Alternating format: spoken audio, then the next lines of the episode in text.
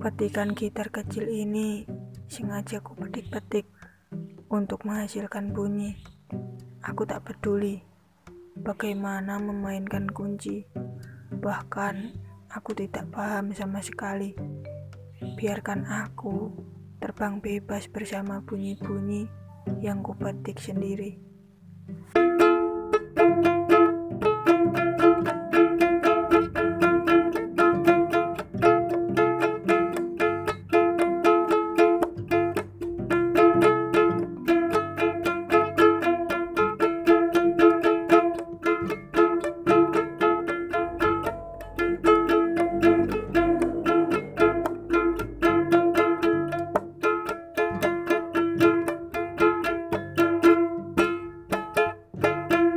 Saat aku sekolah dulu, ada pelajaran seni musik.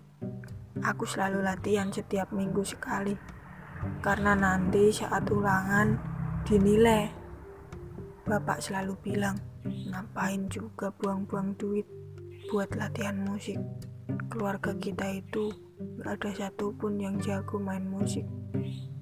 Waktu itu aku memegang drum. Kata temanku, pakai perasaan dong.